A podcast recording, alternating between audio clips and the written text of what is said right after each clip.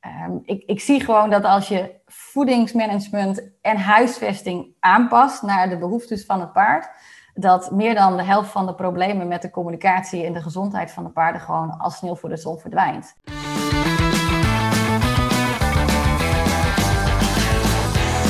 Leuk dat je luistert naar de paardenpodcast van Horse in Mind. Ik ben Rianne Dekker en in deze podcast hoor je toffe gesprekken met experts over het houden en trainen van paarden. Met al deze experts heb ik één ding gemeen en dat is dat we een wereld vol gezonde en gelukkige paarden willen.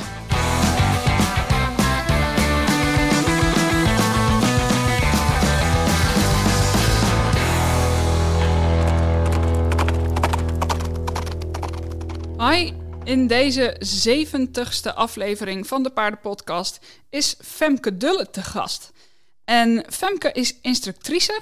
Uh, zij geeft les op locatie in grondwerk, uh, rijden. Um, maar daarnaast heeft ze een Paddock Paradise op een heel klein stukje, namelijk 1600 vierkante meter. En dan zou je misschien denken, hoe kun je op zo'n klein perceel een paddock paradise maken? Nou, daar gaat ze over vertellen in deze aflevering. En ik kan je vertellen dat het wel degelijk mogelijk is. Um, ik heb weer podcast show notes gemaakt. Die kun je weer downloaden via de link in de beschrijving van deze aflevering.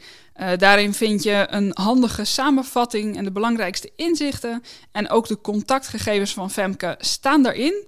Op haar website kun je ook vinden wanneer de eerstvolgende open dag is, mocht je dat leuk vinden. Uh, die organiseert ze ook eens in de zoveel tijd. Ik wens je heel erg veel plezier met luisteren. Um, als het dan gaat om Paddock Paradises en 24-7 buiten, dan is een van de veel gehoorde argumenten is toch wel, ja, maar daar is hier geen ruimte voor. Ja, daar moeten ze bij jou niet mee aankomen, denk ik. nee, klopt. Nee, dat argument veeg ik direct van tafel, inderdaad. Ja, want hoe groot is jouw stukje? Uh, het stukje voor de paarden is uh, slechts 1600 vierkante meter. En niet iedereen heeft het uh, inbeeldingsvermogen om zich te realiseren hoe groot dat het is. Dus um, ik heb een rechthoekig stukje en dat is ongeveer 22 meter bij 70 meter. Dus net iets groter dan een grote rijbak de meeste mensen die, die zouden dat dan zien als gewoon een, uh, ja, een grote paddock met een schuilstal en eigenlijk vrij weinig um, opties heb je daarvoor. Ja, jij hebt er toch echt iets heel anders van gemaakt. Kun je een beetje beschrijven um, hoe het eruit ziet? Ik bedoel, ja, podcast is natuurlijk alleen maar audio, dus we, we kunnen niet meekijken zo. Maar misschien dat, uh, uh, dat je zo levendig kan vertellen dat we ons er een goed iets bij kunnen voorstellen. Ja, nou ja, ik, ik, dat ga ik proberen. Um, het is um, een ja, rechthoekig stuk. Dat maakt het uh, uh, volgens veel mensen eenvoudig. Um, ik vind het ook nog wel ingewikkeld, uh, omdat het maar een, ja, een kleine oppervlakte is. Ja. Het was één groot grasveld. En dat hebben we eigenlijk helemaal gedraineerd en zand ook op laten storten. we hebben het eerst wel afgegraven. En ja, grond afvoeren was destijds best duur. Dus ik zei, gooi dat eerst maar in een hoekje op een bult. Ja. Nou, daar is mijn welbekende uh, kruidenbult uh, ontstaan. Um, de schuilstal, uh, waar ook de garage van mijn partner in zit en mijn eigen zadelkamer slash voerkamer in, in zit, die staat eigenlijk dwars op het perceel, zodat ze aan beide kanten van de stal kunnen komen en er doorheen lopen. Kijk. Daar schuilen zowel mijn twee grote paarden, een Havelinger en een Paint in, als mijn mini-paardje en Shetlander, want ja, ze leven er met z'n vieren. Um, ze kunnen er helemaal omheen. Uh, ze kunnen vervolgens over de kruidenbult. Um, dan heb ik in het midden uh, van het perceel mijn rijbak. En die rijbak is dus niet zo heel groot. Hij is 16, 17 meter breed bij ongeveer 35 meter lang. Oké. Okay. En daaromheen loopt de trek. En hoe breed is die trek dan? Um, nou, op het breedste stukje is hij 3 meter. Uh, gemiddeld is hij 2,5 en op de smalle stukjes is hij 1 meter, 1 meter 20. Op de heuvel is hij zelfs een meter. Um, en het, uh, mijn grindpad is ook maar 1 meter 20 breed. Zo, en dat, uh, gaat dat altijd goed of heb je als kapotte draden? Nee, dat gaat eigenlijk altijd goed. Ja. Ik dacht zelf dat het eenrichtingsverkeer zou zijn. Bij, voornamelijk de, de kruidenbult. Hè, want je kunt er van twee kanten op. Het is maar een meter breed. En uh, nou, ik denk, ze zijn wel zo slim. Hè. Ze lopen, meestal lopen paarden achter elkaar aan. Dus uh, ik denk, als ze de heuvel opgaan, dan doen ze dat ook. Maar het gebeurt soms ook wel eens dat ze dus beide van een kant erop lopen. En bovenin uh, passeren ze elkaar. Dus ja, waarschijnlijk trekken ze de buik in en kunnen ze elkaar mooi, uh, mooi passeren. Wow. En dat gaat, ja, dat gaat hartstikke goed. Ja. In het grindpad is wel een uh, stukje waar ze zich eigenlijk niet passeren. Dus als we daar van beide kanten aankomen, dan is het een tijdje dat ze tegenover elkaar staan. En degene die het langst wacht, die heeft mazzel, want de ander loopt dan achteruit. Ja. Ja, precies. En, eh, maar scheelt het dan ook nog dat uh, je hebt gewoon alleen je eigen kudde? Je hebt geen verloop van, van uh, pensioenklanten of stalgenootjes of zo? Uh, dat het gewoon een heel stabiele kudde is? Ja, dat speelt zeker mee. Ja. Um, mijn havlinger is er als laatste bijgekomen vijf jaar geleden. En toen had ik ze nog niet hier staan, want ze staan nu aan huis. En we zijn hier um, in 2018, begin 2018, zijn we hier komen wonen. Dus daarvoor stonden ze met z'n vieren in een ander paradijs, wat ik zelf onderhield. Uh, was groter, was ook breder. Dus de kudde was uiteindelijk al heel stabiel. Um, dus als ik advies geef inderdaad uh, op locatie over huisvesting, dan uh, adviseer ik meestal wel om paren aan te houden van drie tot vier meter. Ja. Um, en ik observeer altijd de kudde, hoe is die? Want mensen hoeven niet al te bang te zijn om kleine paden ook aan te kunnen leggen. Hè? Bospaadjes of over heuveltjes, die hoeven echt niet per se drie, vier meter breed te zijn. Ja. ja, precies. Zolang er maar op de juiste plekken uitwijkmogelijkheden zijn, dat soort dingen. Ja, precies. Ja. ja. Ik, ik weet niet of jij dat ook merkt of ziet, um, maar wat er wel eens geadviseerd wordt, is, is ook dat als je het dus te breed maakt overal, dat dat uh, de beweging juist niet stimuleert. Terwijl als je het dus smaller maakt, dat ze dan dus meer, meer gaan bewegen. Of dat er een beetje meer squeeze in zit, als het ware. Uh, zie jij dat ook? Ja, absoluut. Ja, ik uh, ben ook wel op ruimtes geweest waar ze inderdaad een paar hectare hebben en dan brede paden hebben van zes meter. Um, en um, ja, gevoelsmatig, ik kan het natuurlijk niet bewijzen omdat je niet echt de kilometers kunt, kunt bijhouden, maar uh, gevoelsmatig lopen ze inderdaad minder. En zeker als er niks te doen is. Uh, ik kom op veel locaties en um, mensen hebben natuurlijk uh, steeds meer oog voor natuurlijke paardenhouden. En dan zie je al snel dat er een trek om de wei wordt heen gelegd. En dan noemt men het een paddock paradise. Ja, in mijn beleving is een paddock paradise echt veel meer dan alleen maar een trek, een ja. wei en een staalstal. Um, het gaat ook vooral om de uh, nieuwsgierigheid die je wilt triggeren. Uh, hè, dat ze beweging, in beweging blijven voor de verrijking, dus voor verschillende voerplekken. Het browsen natuurlijk van verschillende uh, planten. Dus dat heeft er wel degelijk mee te maken. Want ook al zijn de paden smaller en is er niks te doen, dan hebben ze geen reden om te, om te bewegen. Ja. ja, precies. Dus je moet ze ook gewoon echt reden geven om eens naar de andere kant van de paddock te lopen. Of de andere kant van de track. Ja. ja, en ze zijn natuurlijk. Hè, um, uh, energiebesparende dieren. Als ze geen energie hoeven te verspillen, dan doen ze dat niet. En dat merk ik nu ook met die warme dagen. Dan staan ze bij mij eigenlijk alleen maar in stal. Um, en uh, komen ze eigenlijk ook niet op de achterkant van de trek.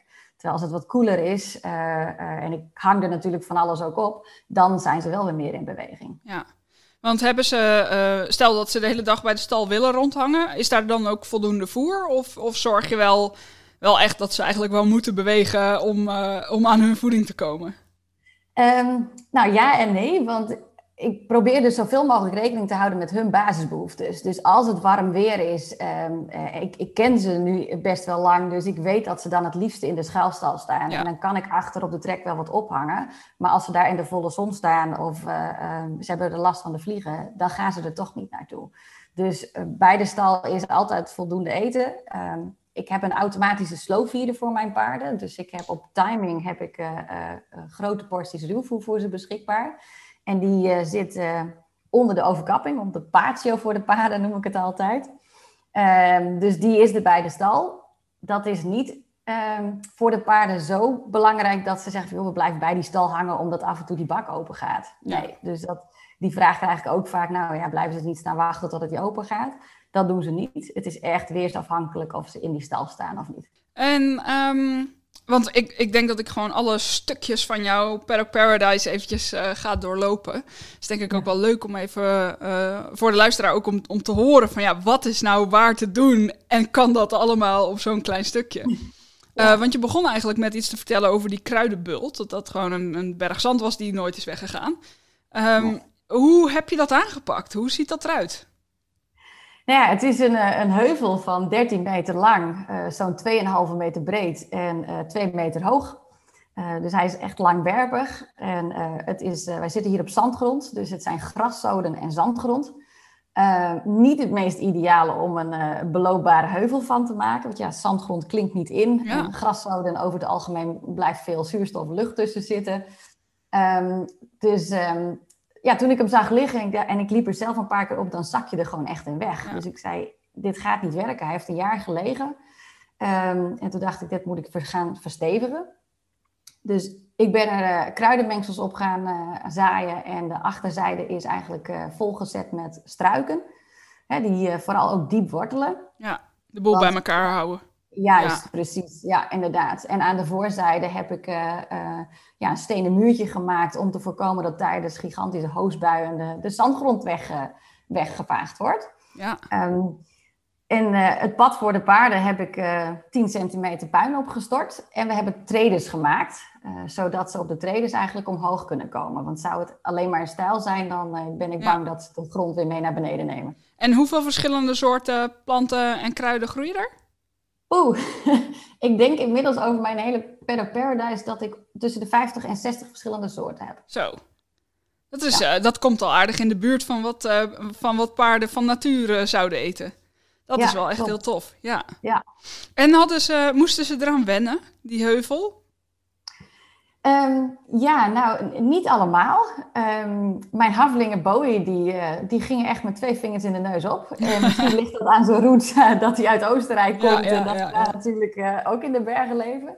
Um, mijn paint, Joy, die had er iets meer moeite mee. Die vond het wel spannend. Dus die zag Bowie er wel bovenop staan. Dus die heb ik de eerste keer, ben ik voorop gegaan en meegenomen. En dat, ja, dat was prima. Toen had hij het ook in de gaten. En het is ook wel heel grappig, als de bult open is, dan, dan lopen ze eigenlijk rondjes. Dus ze lopen er steeds op en dan snacken ze wat. En ze lopen er weer af. En dan gaan ze onderlangs en dan lopen ze weer op. en zo gaat dat een tijdje door. Want je zegt als hij open is, die is dus niet permanent open voor ze?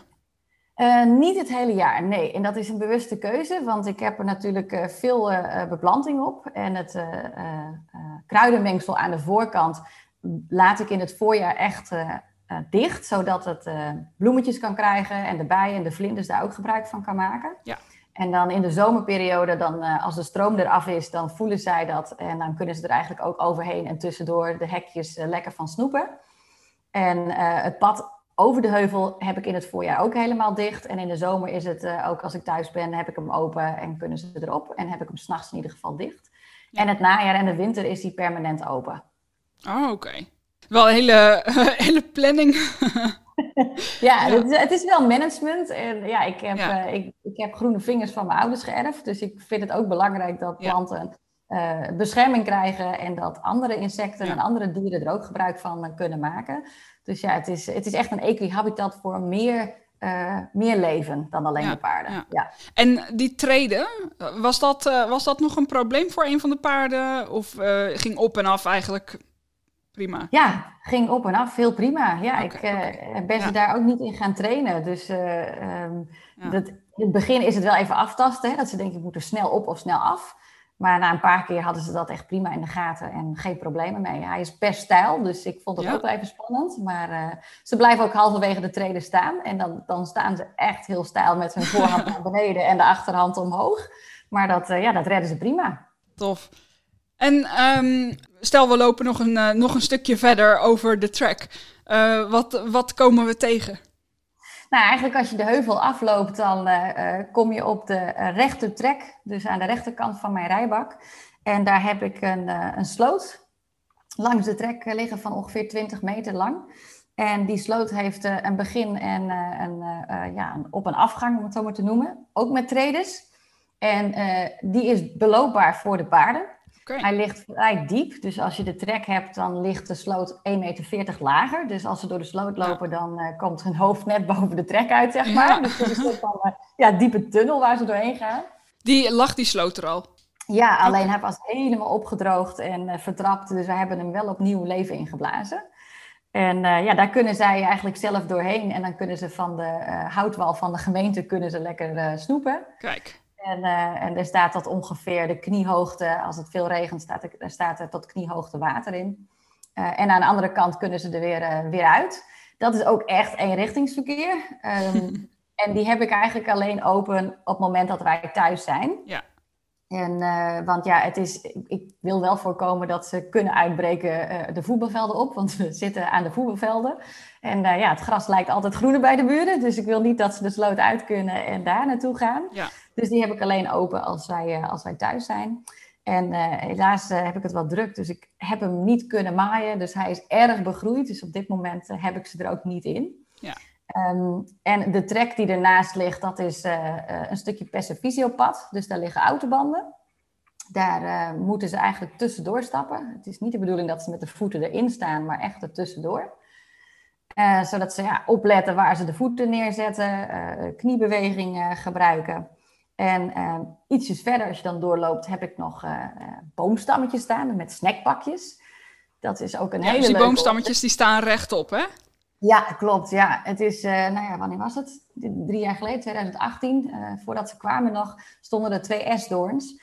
En ik wilde die toch wel heel graag weg hebben. Ja. Um, en uh, ja, de boomstammen heb ik doormidden gezaagd en daar allemaal kleine stukjes van gemaakt. En die heb ik op mijn trek hier en daar gezet en daar heb ik schaaltjes op gedaan. En ik had dat al in de tuin als voederbakjes en waterbakjes voor de, voor de vogels. Oh ja. En toen dacht ik, nou weet je, dat kan ik ook wel bij de paarden doen. Want dan kan ik daar uh, zaadjes in doen en uh, wat ik pluk voor ze. En Ja. als ik uh, groente of fruit over heb, dan gaat dat daarin. En ja, dat, dat is wel echt heel leuk geweest. En ik vind het ook heel leuk om te zien dat dat idee enorme vogelvlucht heeft Ja, gekregen in absoluut. En eh, er is zelfs een dame geweest die er een hele leuke variant op heeft gemaakt met gleuven erin.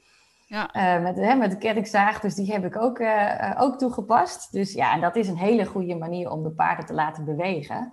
Want ze gaan gewoon elke keer even een rondje doen om te kijken of er ook iets in ligt. ja, want is het dan niet zo dat je er eentje hebt die, die, die ziet jou daar wat neerleggen... of die komt daar aan en die ziet een buffet en die denkt... ha, alles voor mij. Nou, ze zien me wel. Ik probeer het nog steeds heel stiekem, te doen. ja. te zijn. Ehm, ehm, want anders moet ik gewoon echt rennen eh, eh, om het overal neer te kunnen leggen. Ehm, maar eh, nee, er is nooit één die, die zegt alles is voor Bassie. Want ja, ik heb er gewoon heel veel plekjes. Ja. Dus ik leg overal wat neer. En ja, dan, dan rennen ze hun rondjes. Soms lopen ze, soms galopperen ze. Dus er is altijd voldoende voor ieder paard. Ja, en ik heb er wel bewust voor gekozen om bij de minis... die hebben een apart deel in de schuilstal... waar de grote paarden niet kunnen komen... Oh ja. Om daar ook wat te kunnen verstoppen. Ja. ja, precies. Anders dan is het ook zo, ja... Die kunnen er of niet bij, of de rest heeft het al eerder gezien. Of, Ja, eh, precies. ja. Of ze worden weggejaagd. Hè? Dat, Ja, eh, ja. ja. Ja, dat is natuurlijk ook nog wel een dingetje met de passive visio. Ik merk dat hier ook met de paarden. We hebben er drie, eh, nou ja, grote. Ik geloof dat ze alle drie officieel nog ponymaat zijn. Ja, en dan één Shetlander.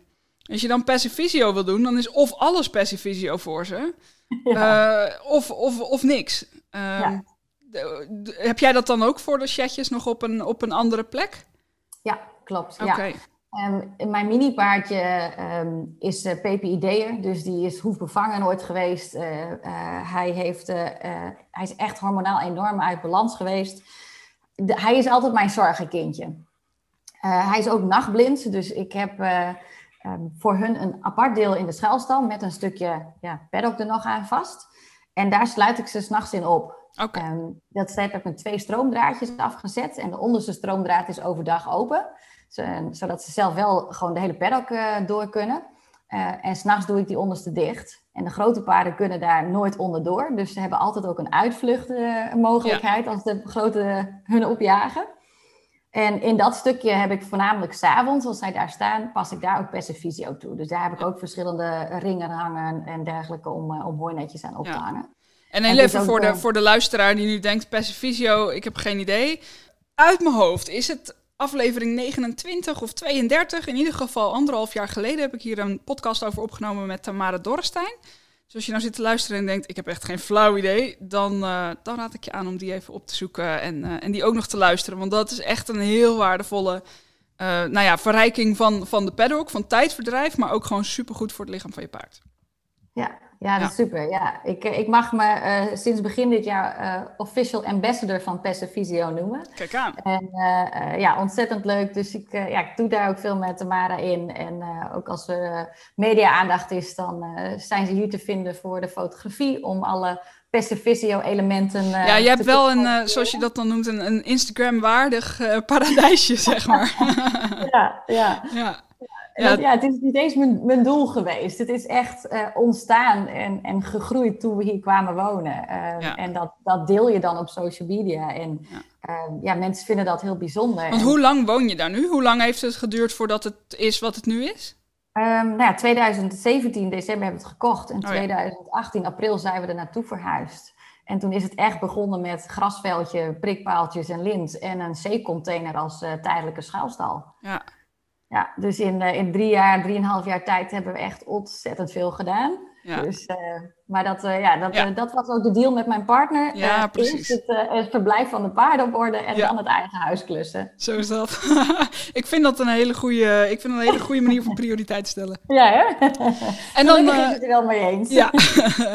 en dan hebben we dus het, dat stuk van de track gehad en de boomstammetjes en ook de boomstammetjes met kruiden en plantjes erop. En dan als we verder lopen, wat, uh, wat komen we dan tegen? Nou ja, na de, na de boomstammetjes, de snackbakjes, dan kom je dus weer de sloot uit. En dan ga je eigenlijk direct uh, de grindbak in. Dat is mijn uh, looppad van acht meter lang, waar ik grind in heb laten storten of zelf in heb gestort. die ligt er inmiddels ook al 2,5 jaar. En ook dat ja, heb ik toegepast omdat ik het onderzoek las van dokter Bouker over de uh, grind, rondgrind, dat heel goed zou zijn voor de stimulatie van de van hoeven en de doorbloeding. Dus uh, dat heb ik gedaan. En dat is, uh, is een groot succes. Er zit wel één nadeel aan, want bij mij is alles zandpad. Dus ze lopen natuurlijk ook zand erin. En die vraag krijg ik ook heel vaak. Lopen ze dat nou niet vol met zand? Ja, dat doen ze. Ja. dus ja, hij ligt er nu 2,5 jaar. En um, uh, het is tijd dat ik hem eens even leeg ga scheppen en ga zeven om al het zand eruit te halen. Dus als je hem in een, uh, in een, uh, ja, in een trek van gras bijvoorbeeld hebt, heb je daar minder last van. Maar met zand, dan loopt hij inderdaad uiteindelijk wel vol. Ja, ja, inderdaad. En sowieso, als je, als je zo'n track hebt en er stond nog gras, dan is het meestal maar een kwestie van tijd voordat dat ook weg is. Precies, ja. Ja, maar goed, inderdaad, hartstikke, hartstikke goed voor de hoefjes. Wij hebben sinds kort ook een, een, een grindbak. Um, maar dat was wel grind wat, uh, wat uit iemands uh, tuin kwam. Dus er zit al best wel wat zand tussen. Dus dat is, ja, dat moeten we eigenlijk gewoon binnenkort al een keertje zeven. Ja. Maar ja, weet je, als je kijkt zoals wat jij hebt uh, op 2,5 jaar tijd. Nou ja, dan, dan kan het ook wel om een keertje te zeven. ja. Het is niet dat je elke maand staat, staat te scheppen. Nee, ja. nee, nee, daarom. Nee, hij, is, hij moet echt wel weer. Maar dat, ja, het is een rotklus, maar dat hoort erbij. En ik heb het ervoor over. Want als je ziet naar de effecten aan de hoeven ja, ja ik, ik, hou ze zelf bij en, mijn, uh, mijn bekapper die komt uh, één keer in de acht wegen voor controle. Ja, en ze doen het gewoon super. Ja, ja. Is, ze staan allemaal recht en uh, er hoeft alleen maar wat, wat, wat bijgeveld te worden en wat weggehaald. En ja, dat is, het is echt top. Ja. En ik heb ook eigenlijk geen blessures in benen en hoeven. Nee, dus dat is heel fijn. Top. En um, met het uitmesten? Mesten ze veel op het grind ook? Of, oh ja, dat is ook, ook een vraag die veel voorbij komt. Ja. ja. Nee, ik, uh, Uh, ik heb hele nette paarden. Dus mijn, uh, mijn minis die hebben een eigen uh, ponytoilet in hun stal. Waar ze uh, fanatiek gebruik van maken en eigenlijk alleen maar hun behoefte doen. Ook al kunnen ze overal komen, ze lopen echt ervoor terug om, om daar te plassen of te mesten. En de twee grote jongens die hebben ook hun vaste plekjes om te mesten. En heel af en toe komt er, komt er eens één mestrol voorbij op de, op de grindbak. Ja. En ik heb grind tussen de 8 en 32 mm. En dat is met zo'n, uh, ja, hoe noem je ja. Zo'n zo'n uh, Zo'n riek valt het net uh, ja, ja, de. Ja, precies. Ja, ja, dus precies. Dat te doen. Dus dat is dan ook best, dat is inderdaad ook best goed te doen. Ja, ja. ja. En langs het grindpad heb ik ehm, een haag staan, gemengde paardenhaag. en aan de randjes daaronder heb ik ja, kruiden die ik daar elk jaar opnieuw zaai in variatie. Dus ze blijven ook uh, regelmatig even in de grindbak staan om daar lekker te snoepen. Dus ook daar is weer wat te doen. Dus uh, ja, ze moeten er dan ook echt uh, in en er doorheen. Ja. Ze hebben ook de keuze om er omheen te gaan. Um, want ja, ik heb natuurlijk mijn trek alleen maar om de bak. Dus dat is op een gegeven moment een rondje wat ze kennen. Dus ik ja. heb drie ingangen in mijn bak. En die zijn mobiel, dus die kan ik open en dicht doen. Waardoor de route ook steeds weer verandert in mijn paddock. Ja. Dus de ene keer dan moeten ze omlopen, de andere keer kunnen ze een korte route nemen. Uh, het is maar net welke, welke opening uh, open staat. Ja. ja, precies. En voor, weet je, het, als je het zo hoort, dan lijken het maar hele kleine dingen. Um, maar voor een paard dat daar natuurlijk gewoon 24-7 leeft, is het best een ding. Ik bedoel, stel dat je je voorstelt dat ik, uh, ik woon op, nou wat is het, het is 65 vierkante meter of zo. En dat ik uh, uh, af en toe moet omlopen om naar de slaapkamer of de badkamer te kunnen. Uh, het is toch weer eventjes mentaal dat je denkt, oh wacht, vandaag zat het anders. En dat is natuurlijk voor de paarden niet anders. Nee, nee. En wat ik al zei, hè, ze zijn energiebesparend ingesteld. Ja. Dus ze lopen het liefst de korte route. Ja. ja, en geef ze ongelijk. Ik doe dat ook het liefst in huis.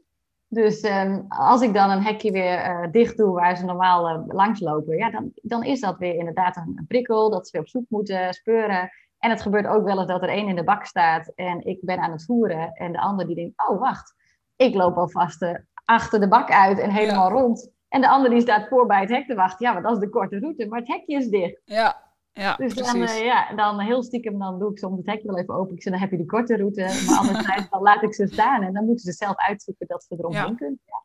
Ja, nou ja, dat inderdaad ook. Ik heb natuurlijk in, uh, uh, in maart een um, vierdaagse masterclass gegeven toen over huisvesting.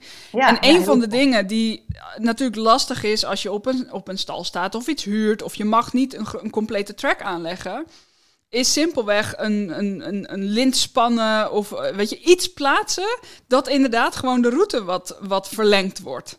Ja. Uh, zo hebben wij het hier ook aangepakt toen we er net stonden. Uh, uh, op, het, op het stalletje waar ik nu stond. Met, was toen nog met mijn vorige, vorige merrie.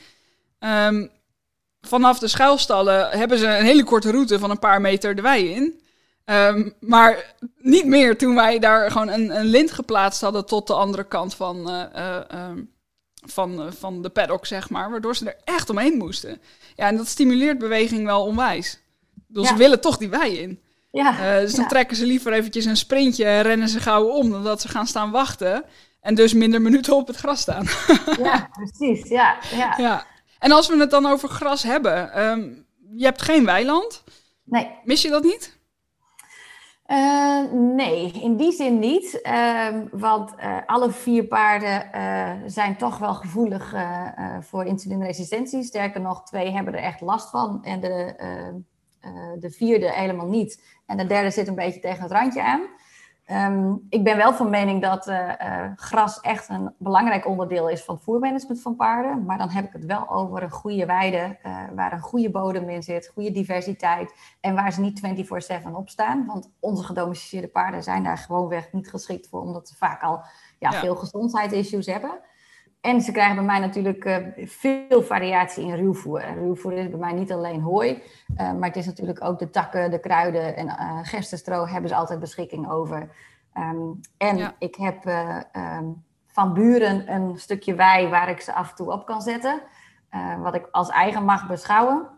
En daar staan ze vanaf, nou wat is het, eind juni tot ongeveer december staan ze daar drie keer per week, maximaal twee uurtjes per keer op. Ja. En dan hebben ze ook wel veel doende omega's weer binnengekregen. Uh, uh, en hoeven ze ook niet veel langer erop te staan. Ja, precies. En veel snackwandelen natuurlijk. Dus ook dan mogen ze veel grazen. Ja, ja precies. Oké, okay, we gaan nog eventjes verder via de track. Uh, dus we hebben het grindpad gehad. is er dan nog meer wat ze tegen kunnen komen? Voordat ze weer uitkomen bij de schuilstallen? nee, want we zijn nu... Het grindpad ligt eigenlijk achter op de rechte trek. Dus je bent ja. nu aan de achterkant van de paddock. En daar lopen ze op de korte zijde van de trek. Daar kunnen ze aan de achterkant de bak in, maar uh, um, de buitenkant, dus de omheining van de trek, dat is langs een slootkant. En daar heb ik een uh, geplaatst. En uh, op de schuine kant van de oever staan allerlei struiken en bomen, zoals knotwilgen, bottelroos, staat van alles, moeraspirea. staat van alles om ook lekker van te snoepen. En um, ze hebben daar ook een mooi uitzicht over de voetbalvelden. En we hebben hier uh, fanatieke verenigingen, dus vier avonden in de week zijn ze daar aan het trainen. En ze vinden het fantastisch om daar op de uitkijk te staan naar wat die mensen daar allemaal doen. Dus het is ook een stukje entertainment, denk ik, ja. wat, ze daar, uh, wat ze daar hebben. ook daar staan weer snackbakjes. Dus ook daar zijn ze wel weer eens even op zoek of er iets ligt. En als je naar de volgende hoek toe loopt van de korte zijde, dan heb ik een, ja, een borden gecreëerd. Dat, zijn, dat is een 90 graden hoek. En die heb ik uh, zowel van de omheining aan de binnenzijde afgesneden tot een stompe hoek. Maar ook het hoekje op de trek heb ik uh, schuin afgesneden, zodat er een border ontstaat. En daar heb ik um, allemaal paaltjes de grond in gezet met wat ruimte ertussen. En waar tegels tussen liggen, als een soort van ja, hooiruif zou je het kunnen noemen op de grond. En dan moeten ze eigenlijk tussen de paaltjes door om bij de snackjes te komen die daar liggen. En meestal leg ik daar takken of kruiden neer wat ik voor ze geplukt heb. En soms wat losse plukjes hooi. Dus ook dat is weer een stukje percevisio, perkverrijking, uh, dat ze weer gaan speuren. Heb je, heb je nooit dat ze, erin, uh, dat ze erin staan? Nee, ik heb, uh, het, zijn hele, het zijn hele lage paaltjes, dus ze zijn 50 centimeter boven de grond. Okay. Um, maar omdat daar dus daarachter nog een berg staat, een struikberg en... Um, kruiden, heb ik er wel een draadje bovenlangs gespannen. Dus ze oh kunnen over het draadje van de berg snoepen. Uh, en daaronder zitten de paaltjes. Dus ze kunnen er niet tussendoor met hun voetjes ja, of erin. Oké. En ze zijn echt, echt heel slim. Mensen zijn vooral wel eens angstig van... oh, stel je voor dat er voeten tussen komen of dat ze blijven hangen. En, nee, ze zijn echt heel erg slim. Ja. En ik, ja, ik moet wel alles Bowie-proof maken, zeg ik. Want ja, ik heb een haflinger. En ook zijn bekend om uh, dat ze veel vernielen. Dus, uh, ja, die dus Mary waar ik het net over had, was er ook een. Ja. Herkenbaar voor velen. En ja, dan zien ze mijn creaties. Nou, dat zouden die voor mij stuk maken hoor. Dat, uh, dat is echt niet bomproof. Nou ja, bij mij moet ik daar ook rekening mee houden. Dus het is gewoon trial and error. Ja. En als iets niet werkt, dan passen we het weer aan. En, en, stroom is gewoon echt mijn beste vriend. Ja. Ja, dus uh, die... Ja. ja. als dat erop staat, dan weten ze... oké, okay, daar moeten we gewoon nu niet even aankomen. Oké, dan hebben we nog één lange zijde over, denk ik. Ja, dat klopt. Ja, ja de bak is natuurlijk helemaal vrij. Uh, dus daar kunnen ze lekker in spelen, in slapen, rollen, wat ze maar willen. Uh, de andere lange zijde, uh, daar staat sinds dit voorjaar een gemengde paardenhaag. Um, daar stonden echt gigantisch lelijke stalen herashekken. En um, ik wilde die heel graag weg hebben, maar ja, de trek is daar maar twee meter breed. Dus als ik daar een haag zou plaatsen, dan uh, werd die nog smaller. En ja, het is wel het stukje waar ze vaak even een sprintje trekken. Dus uh, de goede buren uh, aangesproken en gezegd van, joh, weet je, we willen hier graag stroomdraad plaatsen, maar zij vonden dat wat te kaal. Ik zei, dan heb ik een goed idee. Ik zei, wij plaatsen de stroomlintjes aan onze zijde. En ik zei, ik koop een paardenhaag. En ik zei, wij leggen hem aan op jullie erf. En alles wat je snoeit, dat gooi je er maar overheen. En uh, vonden ze een prima idee. Dus uh, onze paardenhaag staat op hun erf. En uh, hij snoeit het en hij gooit het eroverheen. En zo heb ik eigenlijk ook de afspraak met hem wat hij uit de moestuin kan halen. Dat hij dat over, de, over de schutting kan gooien bij de paarden. Ja, kijk, ideaal. Ja. Dus daar, daar kunnen ze dan lekker snoepen. Als je verder loopt, dan heb je halverwege die trek heb je, drie dikke boomstammen liggen. Die liggen om en om. Dus ze kunnen er al slalommend omheen. En ze kunnen er stappend overheen. Ze zijn best wel dik, zodat ze ook echt wel even een knieactie moeten maken. Uh, ze liggen eigenlijk op een afstand van uh, galop en springbalken. Dus mochten ze dat sprintje trekken op die trek, dan kunnen ze aan de ene kant kunnen ze, uh, een galopsprong maken. En de andere zijde kunnen ze erin draf overheen. Ja. Dus dat, ja. Dus daar heb ik ja, goed over nagedacht. De kleintjes kunnen dat ook. Die springen er ook overheen. Dus hij is ongeveer, ja, het is 30 centimeter dik zijn de boomstammen. Oké, ja. En uh, daar bij diezelfde boomstammetjes hebben we een nieuwe schutting gemaakt met de moestuin van de buren. En die, uh, die ja, is ook wel een leuke tip om te delen. We hebben een schutting gemaakt van uh, oude fruitboompalen. Die liggen horizontaal. Daar groeit eigenlijk de, de, de tak van de druif van de buurman en van de fruitbomen, die groeien daar af en toe doorheen. Dus onze paarden die kunnen die weer, ja. weer lekker ertussendoor eten.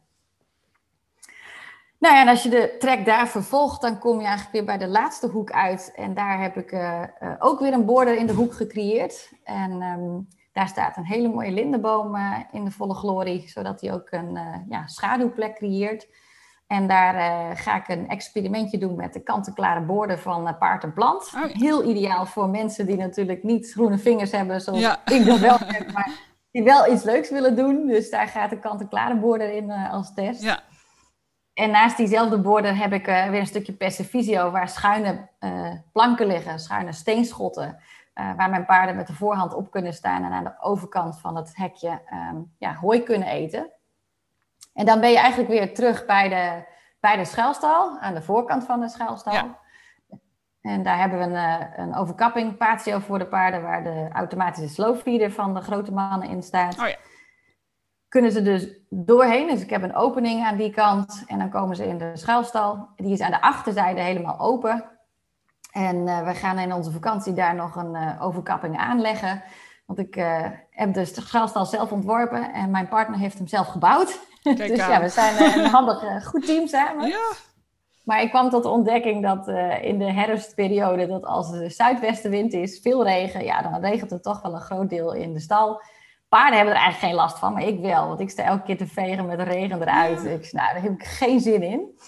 Dus er komt nog twee meter overkapping aan om dat te, dat te voorkomen. Ja.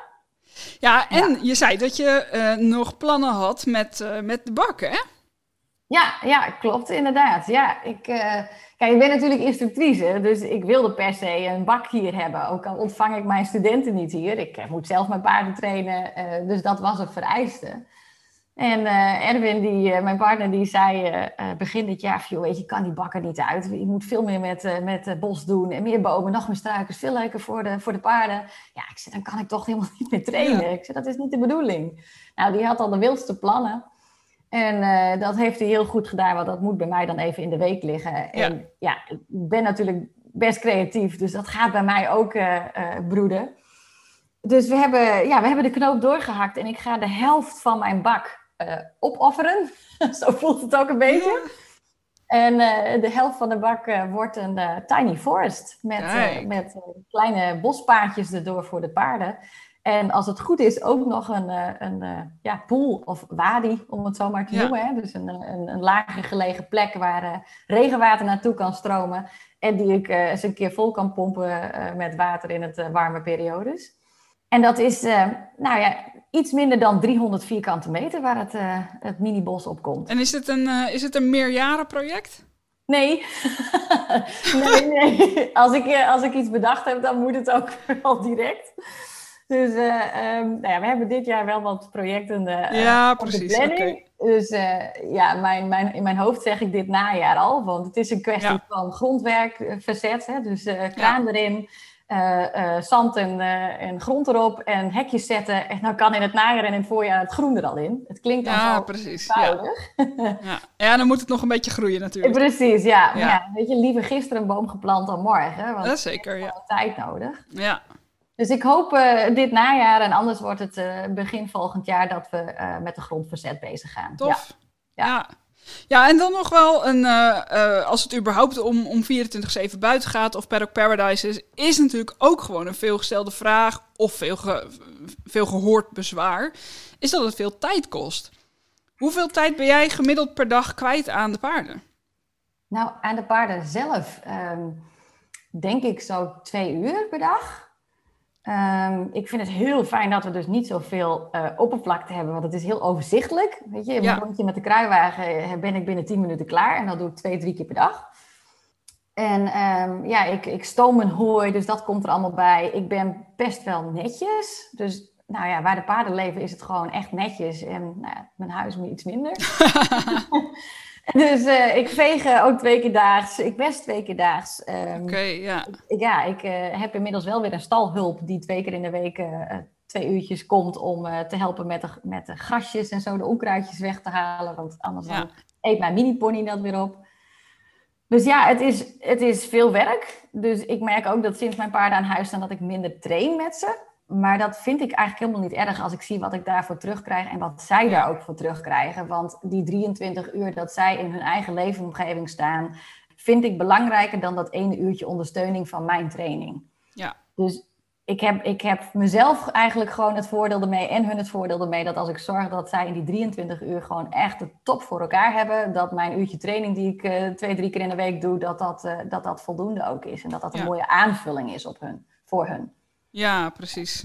We gaan dan een beetje richting het, uh, het einde alweer van, uh, van de podcast. We hebben in ieder geval uh, een, een, een, mooie rondleiding gekregen, een audio-rondleiding gekregen door jouw paradijsje. Ja, en volgens, um, volgens, mij ben ik zelfs nog één deel vergeten waar we, waar we begonnen zijn. Want je oh, ja, het, de andere kant van de stal is er natuurlijk ook nog. En daar heb ik oh, mijn, mijn zoutbuffet en mijn mineralenbuffet hangen. Oh ja, die mag niet ontbreken nee, natuurlijk. Nee, nee de, en, en de regenwateropvang. Ik probeer het ook zo duurzaam mogelijk op te, op te vangen. Dus mijn paarden die hebben toegang tot, eh, tot regenwater uh, waar ze altijd bij kunnen. En daar hangt ook mijn mineralenbuffet naast. Dat zijn... Uh, ja, zes emmers met water en ieder emmer heeft een eigen ingrediënt daarin zitten. Daar ben ik uh, nou, vier jaar geleden, drie jaar geleden mee begonnen. En toen had ik nog maar twee emmertjes. En toen zei ik tegen mijn partner van als de nieuwe stal er is, ik zei, dan wil ik minstens zes emmers op een rij ja. hebben. Want ja, zoveel ingrediënten had ik al. Dus die is er gekomen. En, uh, en daarnaast om het hoekje onder de overkapping in de stal hangen er uh, vijf bakjes met verschillende vormen van zout. Dus die, ja, die wordt ook beide fanatiek gebruikt door de paarden wanneer ze daar behoefte aan hebben. Dus dat, ja, dat is iets wat bij mij in een goed voermanagement zeker niet mag ontbreken. Nee. Ja, mooi. Dan hebben we nu denk ik wel de hele rondleiding gehad, hè? Ja, ja groter is het niet. Ja, dan heb ik nog twee, uh, twee vragen voor je. Als je paardenwelzijn een definitie mag geven, wat zou dat dan zijn? Um, ja, dat is een waar je dan zo snel de antwoord op moet geven. Ik denk dat dat voor mij is dat paardenwelzijn uh, betekent dat je wat je voor ze doet, dat dat ook echt ten behoeve is van het paard. Dus niet voor ons als mens. Uh, en dat bij alles wat je doet redeneert vanuit de basisbehoeftes van het paard. En dat, dat het zo, ja, zo dicht mogelijk daarbij inkomt. Dus niet vanuit ons eigen ego, hoe lastig dat ook is. Ook ik loop daar nog wel eens tegenaan. Maar echt dat elke overweging, elke keuze die je maakt uh, op basis is van de behoeftes van het paard. En als je vijf jaar in de toekomst kijkt, hoe hoop je dat de paardenwereld er dan uitziet? nou, uh, minstens 80% vrijheidsbeweging en keuzevrijheid. En dan hoeft het echt niet allemaal uh, per paradises te zijn. Uh, maar al heel simpel de staldeur open en keuze in binnen-buiten staan en een gevarieerd rantsoen. ja, dan knijp ik in mijn handen als we, als we zover zijn. Um, ik, ik zie gewoon dat als je voedingsmanagement en huisvesting aanpast naar de behoeftes van het paard, dat meer dan de helft van de problemen met de communicatie en de gezondheid van de paarden gewoon als sneeuw voor de zon verdwijnt. Uh, ja. Dus natuurlijk is er in training heel veel uh, te verbeteren in die, in die uh, branche, zeg maar. Maar ik denk dat als ook dat soort paarden al gewoon keuzevrijheid hebben en bewegingsvrijheid en een goed voermanagement, ja, dat we ze echt veel beter kunnen helpen. Ik heb weer show notes gemaakt van, uh, van de podcast met een uh, korte samenvatting en de belangrijkste inzichten. Die kun je weer downloaden via de link in de beschrijving van de podcast. En daarin uh, heb ik ook de contactgegevens opgenomen van, van Femke. Dus dan weet je waar je meer informatie kan vinden en op welke social media je haar kan vinden. Dankjewel voor het gesprek, Femke. Ja, graag gedaan. Hartstikke leuk.